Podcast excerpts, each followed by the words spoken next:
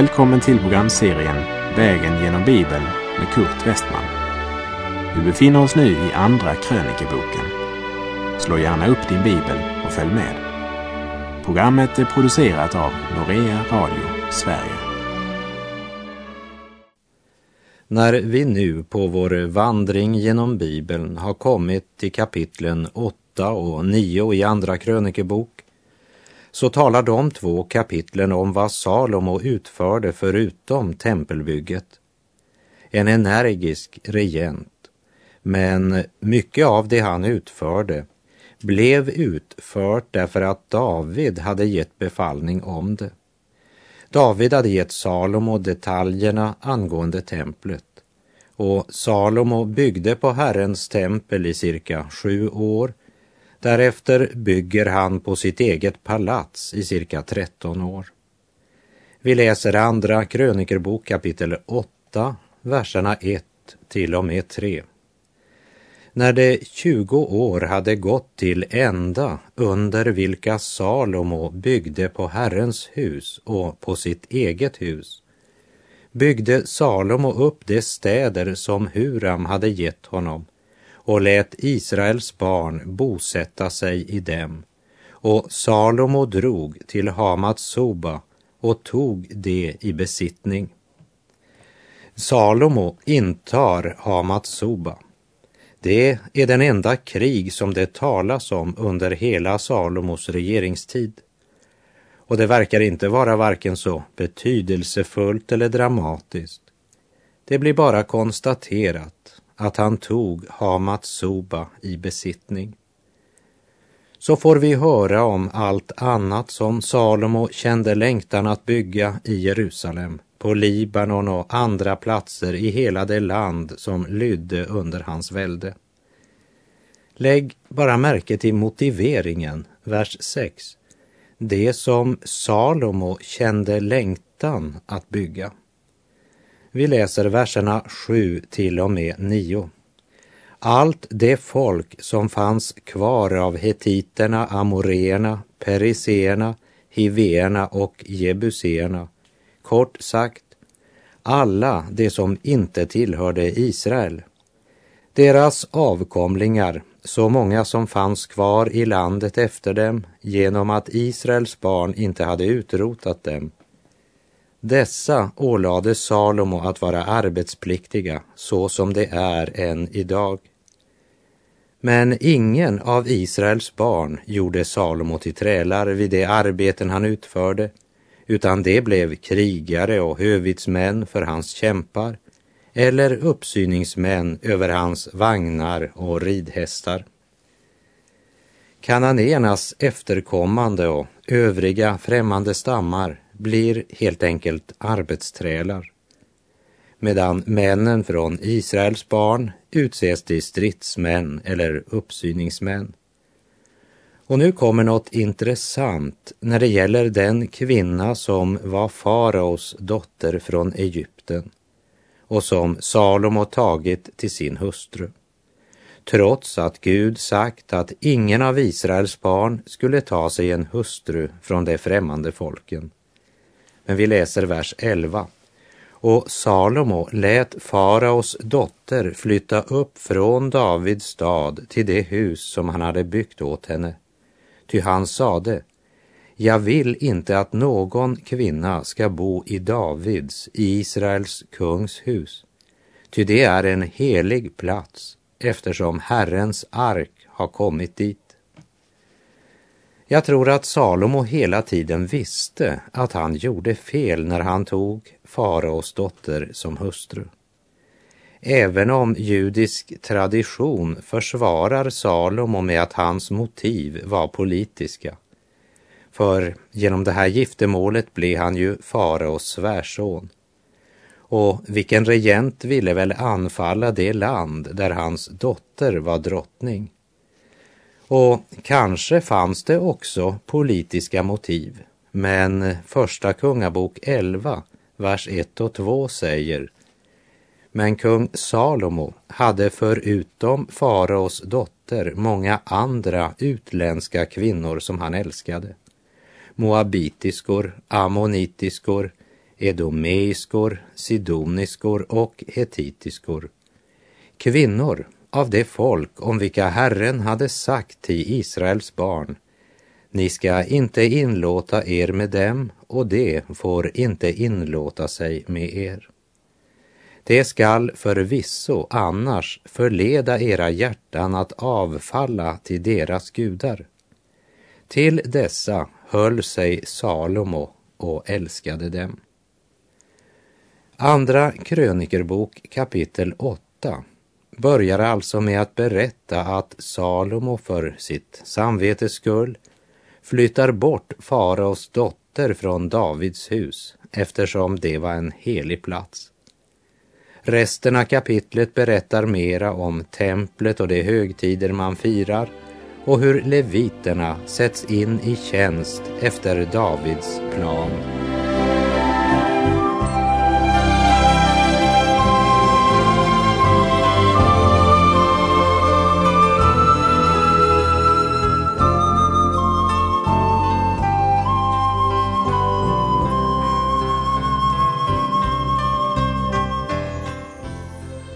När vi nu kommer till Andra krönikerbokens nionde kapitel så ser vi att det är det sista kapitlet som talar om Salomo. Och vi har insett att det mest betydelsefulla som Salomo uträttade faktiskt var att bygga Herrens tempel. Men det var David som fått templets beskrivning av Gud. Det var David som helgat silver och guld för templet och det var David som samlat byggnadsmaterialet. Och det var också David som klart sa till Salomo, som vi minns ifrån Första krönikerbok kapitel 28. Var frimodig och oförfärad och gå till verket. David ger helt enkelt Salomo order om att bygga templet. Och i början av Första krönikerbok kapitel 29 sa David offentligt till hela folket att Gud hade utsett Salomo till att bygga templet och att han redan hade samlat byggnadsmaterialet så det var bara att gå igång. Så egentligen hade Salomo inget val. Andra krönikerbok berättar att Salomo bygger templet. Det andra som Gud anser värt att repetera av det som Salomo har uträttat, det är att Salomo faktiskt fortsatte med det som var Guds tanke med Israel, nämligen att vara ett vittnesbörd för hela världen. Och vi får höra hur Salomo utförde detta. Men låt oss här säga att det sätt på vilket Israel skulle vara vittnen, det var på ett annat sätt än det sätt på vilket Kristi kyrka idag ska vittna. Israel skulle vända sig inåt mot templet. Kristi församling vänder sig utåt. Israel skulle gå upp till Jerusalem, till templet och invitera alla folkslag att komma till Jerusalem för att tillbe Gud. Medan Kristi kyrka ska börja i Jerusalem och gå helt till jordens yttersta gräns. Med andra ord, Kristi kyrka ska bära evangeliet ut till världen, till alla stammar, folk och tungomål medan Israel skulle inbjuda folken att komma och dela uppenbarelsen från Gud i templet. Israel skulle vittna om den ende sanne Gud mitt i en värld som tillbad många olika gudar. Och kyrkan ska som enskilda vittna om den uppståndne och levande frälsaren till alla folk mitt i en kultur utan Gud. Kina upplever en enorm väckelse just nu. Vi hör också om väckelse i andra land långt borta. Medan vi själva har avfallit från den helige Gud. Men det vill alltid vara 7000 som inte böjer knä för Bal. Och de finns inte i ett bestämt kyrkosamfund, utan det är Guds sanna vittnen som finns kringspridda i olika kyrkor och församlingar. Hiram, kung Davids vän, lärde känna Gud och ifrån Andra krönikebok 2.12 minns vi hans vittnesbörd om Gud där han säger Lovad vare Herren, Israels Gud, himmelens och jordens skapare.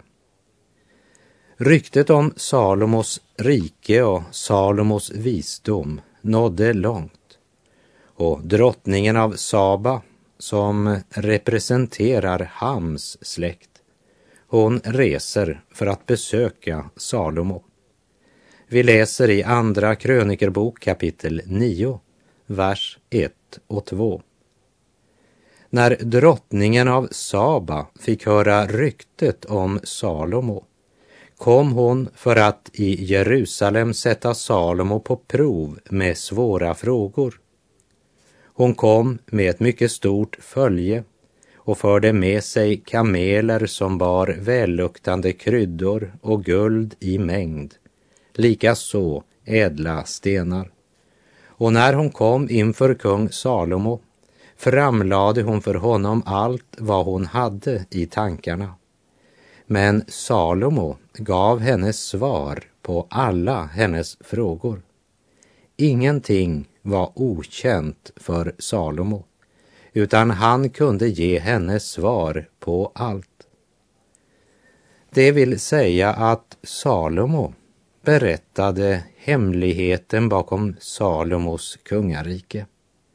Han berättade att det var Gud som givit honom visdom och han berättade att templet, det var den plats där de mötte Gud. Eftersom Gud sagt att det var där han ville komma dem till mötes. Vers 3 och 4. När nu drottningen av Saba såg Salomos vishet och såg huset som han hade byggt och såg rätterna på hans bord och såg hur hans tjänare satt där och hur de som betjänade honom utförde sina åligganden och hur de var klädda. Och vidare såg hans munskänkar och hur de var klädda. Och när hon såg den trappuppgång på vilken han gick upp till Herrens hus, då blev hon utom sig av förundran. I Första Konungabok 10.24 läste vi Från alla länder kom man för att besöka Salomo och höra den vishet som Gud hade lagt ned i hans hjärta. Men det ges inga mer detaljer annat än dessa verser om drottningen av Saba som kom för att se Salomos visdom. Men eh, orden från första kungabok och det vi här läser i andra krönikebok 9 gör det klart för oss att Israel verkligen lyckades vara ett Guds vittnesbörd för världen vid denna tid. Hon får höra om brännofferaltaret där synden försonas genom offret som pekar fram emot honom som skall komma, Messias, frälsaren. Israels Gud har en frälsningsplan för var och en. Vi läser vers 5 och 6. Och hon sade till kungen, sant var det tal som jag hörde i mitt land om dig och om din vishet. Jag ville inte tro vad man sade förrän jag själv kom och med egna ögon fick se det. Men nu finner jag att vidden av din vishet inte ens till hälften har blivit omtalad för mig. Du är långt mer framstående än jag genom ryktet hade hört. Det hon egentligen säger är att när jag hörde om vad Gud hade gjort så kunde jag helt enkelt inte tro det. Men hon hade tro nog till att låta det hon hade hört få en konsekvens. Det vill säga att när hon hörde om Salomo och hans rike så gjorde hon en lång och strävsam resa för att själv se om det var sant. Och den som söker, han finner. Att hon måste göra en lång resa genom brännheta ökenområden kunde inte hindra henne. Hon måste undersöka hur det var och hon kunde inte tro det förrän hon såg det. Men lyssna nu till hennes vittnesbörd, vers 7 och 8. Lyckliga är dina män och lyckliga är dessa dina tjänare som ständigt får stå inför dig och höra din visdom. Lovad vare Herren, din Gud, som funnit sådant behag i dig att han har satt dig på sin tron för att vara kung inför Herren, din Gud. Ja, därför att din Gud älskar Israel och vill hålla det vid makt evinnerligen. Därför har han satt dig till kung över dem för att du ska skipa lag och rätt. Vi bör verkligen ge akt på det som hon nu säger efter att ha sett och övervägt saken. För eh, drottningen av Saba, hon förstår nu sammanhanget mellan templet, offeraltaret, gudstillbedjan och Salomos makt, folkets trygghet och rikets framgång. Och därför kan hon inte annat än prisa Gud. Och när Herren Jesus talade om henne sa han i Matteus 12.42 Drottningen av söderlandet ska komma vid domen och träda upp mot detta släkte och bli det till dom. Ty hon kom från jordens yttersta gränser för att lyssna till Salomos vishet. Och se, här är mer än Salomo. Drottningen av Saba sa, därför att din Gud älskar Israel. Hon respekterar Salomo som konung och vet att hans visdom är stor. Men hon vet också att bakom allt står Gud.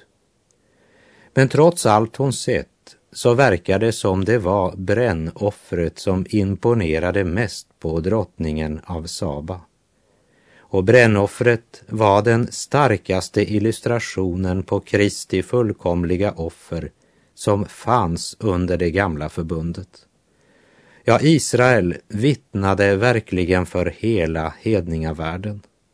Och den här drottningen hon lärde känna den ende sanne Gud. Och du kan ju bara tänka dig vad det fick betyda för hennes folk när hon kom hem. Den gången skulle världen komma till Jerusalem för att få möta vittnesbördet om den ende sanne Gud.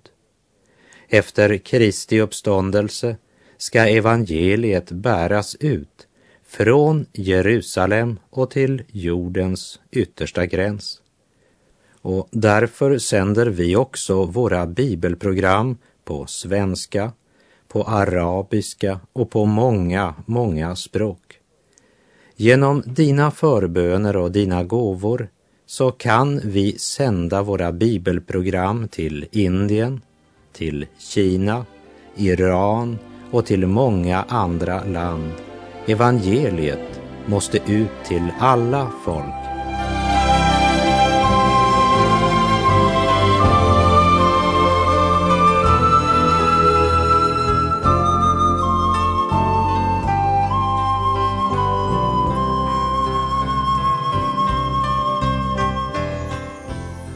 Drottningen av Saba hade fört med sig som gåva till Salomo 120 talenter guld, likaså välluktande kryddor i stor mängd, dessutom ädla stenar.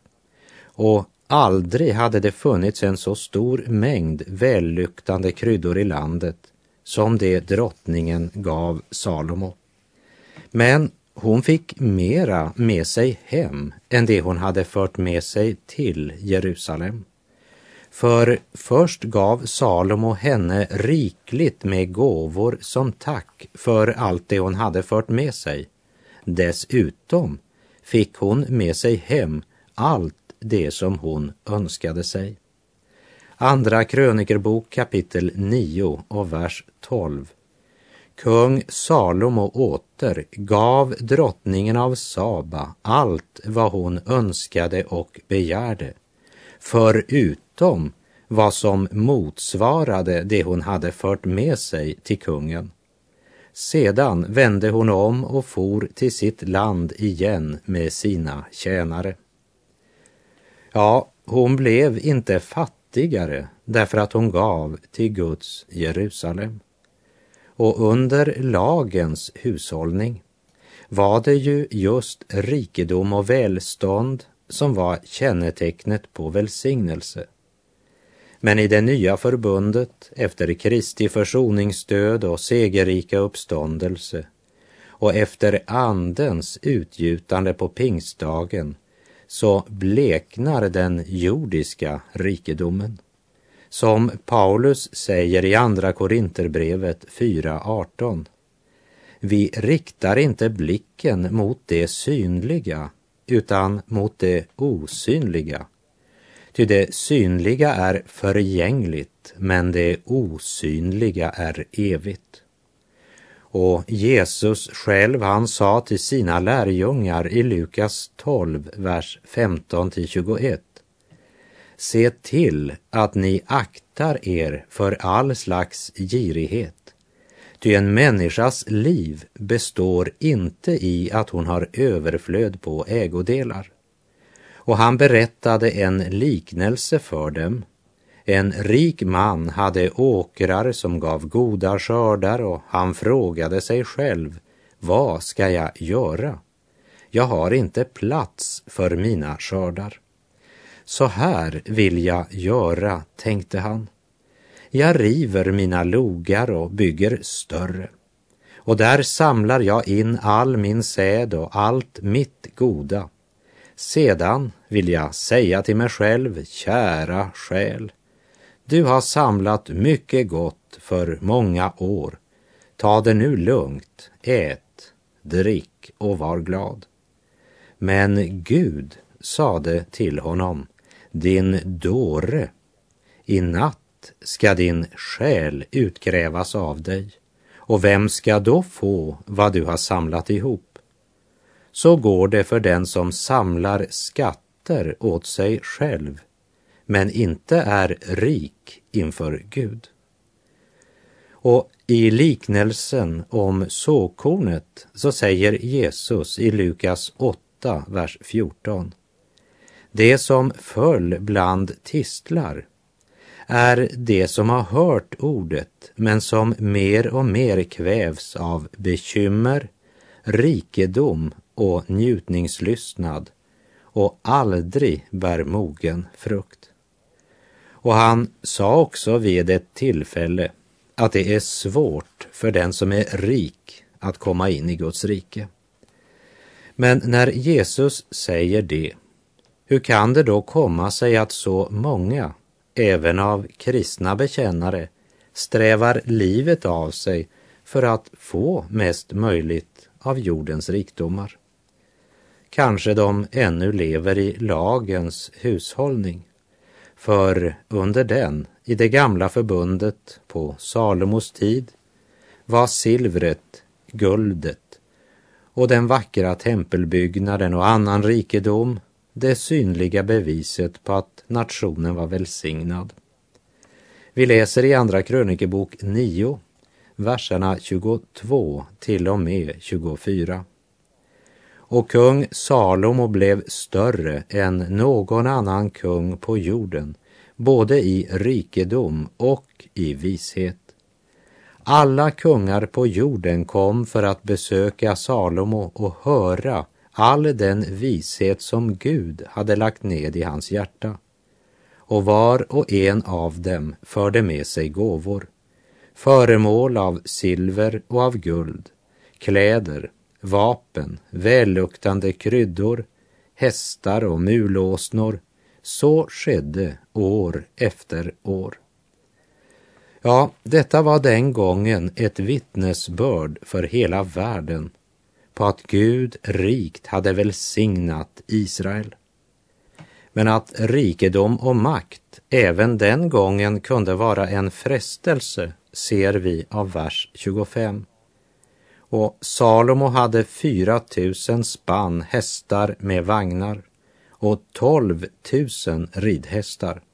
Dem förlade han dels i vagnsstäderna, dels i Jerusalem hos kungen själv. Kungen var genom Mose lag förbjuden att skaffa sig många hustrur, även förbjuden att skaffa sig många hästar, men Salomo skaffade många, många av båda delarna. Vi läser vers 26 till och med 31. Och han var herre över alla kungar från floden ända till filisteernas land och sedan ända ned till Egyptens gräns. Och kungen lagade så att silver blev lika vanligt i Jerusalem som stenar och cederträ lika vanligt som mullbärsfikonträd i låglandet. Och hästar infördes till Salomo från Egypten och från alla andra länder.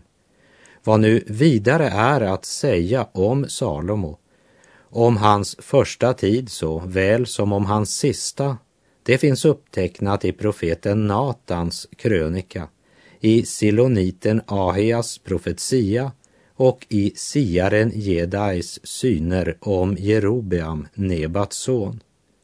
Salomo regerade i Jerusalem över hela Israel i 40 år. Och Salomo gick till vila hos sina fäder och man begravde honom i hans fader Davids stad och hans son Rehabeam blev kung efter honom. Trots sin vishet använde inte Salomo visheten till att vandra i gemenskap med Gud. Men Gud uppfyllde på Salomo det löfte som han hade givit David. Stackars Salomo, som fick hjälpa och leda så många genom sin visdom. Men han levde inte själv så som han lärde. Vi kan säga att han hade rörledningens ena ända vid källan och den andra ändan ledde ut till folket. Och hans visdom hjälpte många, men själv behöll han bara rosten. Och allt det som han så inträngande varnade andra för lät han sig själv infångas av. Och plötsligt var livet slut. Och vad hjälpte det nu? att han hade vunnit hela världen när han hade vänt Gud ryggen. Det är människans lott att en gång dö. Och Salomo begravdes i Davids stad och hans son Rehabeham blev kung efter honom. Och med det så säger jag tack för den här gången. På återhörande om du vill. Herren vare med dig. Må hans välsignelse vila över dig. Gud är god.